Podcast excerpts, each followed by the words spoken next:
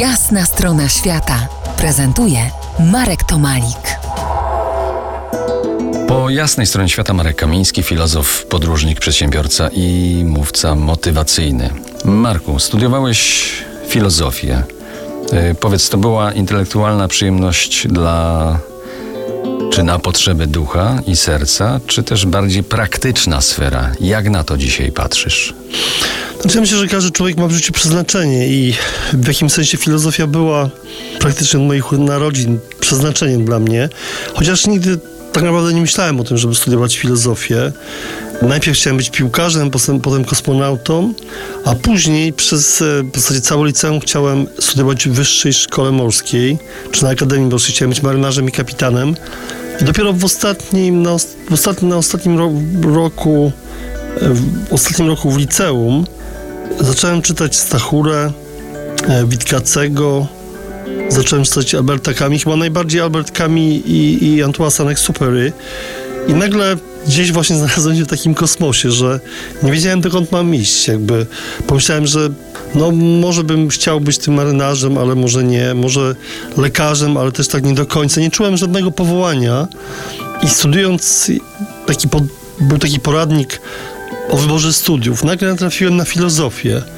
I to był najlepszy wybór w moim życiu. Znaczy te studia absolutnie, e, myślę, żadne studia inne nie lep, lepiej jakby nie odpowiadają mojej naturze, mojemu, bo myślę, że zawsze jest warto jakby w tym świecie zewnętrznym szukamy też jakby świata wewnętrznego i jakby myślę, że, że to jest takie ważne, żeby w tym świecie zewnętrznym odnajdywać swoje wnętrze i wtedy jakby czujemy się jakby w zgodzie ze światem, czymś jednością.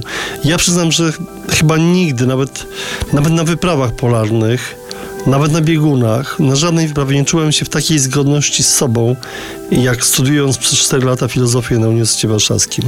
A powiedz, jaki wpływ miała filozofia na organizację Twoich podróży, wypraw? Absolutnie miała fundamentalny wpływ na, na moje życie, ponieważ e, filozofia uczy zadawania pytań tam, gdzie ludzie widzą gotowe odpowiedzi.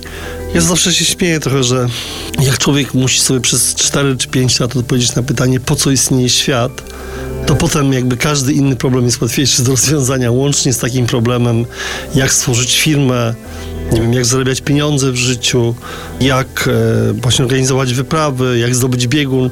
Każdy z tych problemów mimo wszystko jest e, łatwiejszy do rozwiązania niż problem, po co istnieje świat, czy po co żyjemy na tym świecie. Teraz muzyka w RMF Classic, a za kilka chwil powrócimy do rozmowy.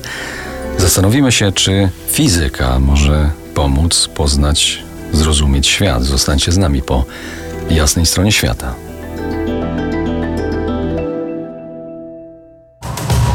To jest jasna strona świata w RMS Classic.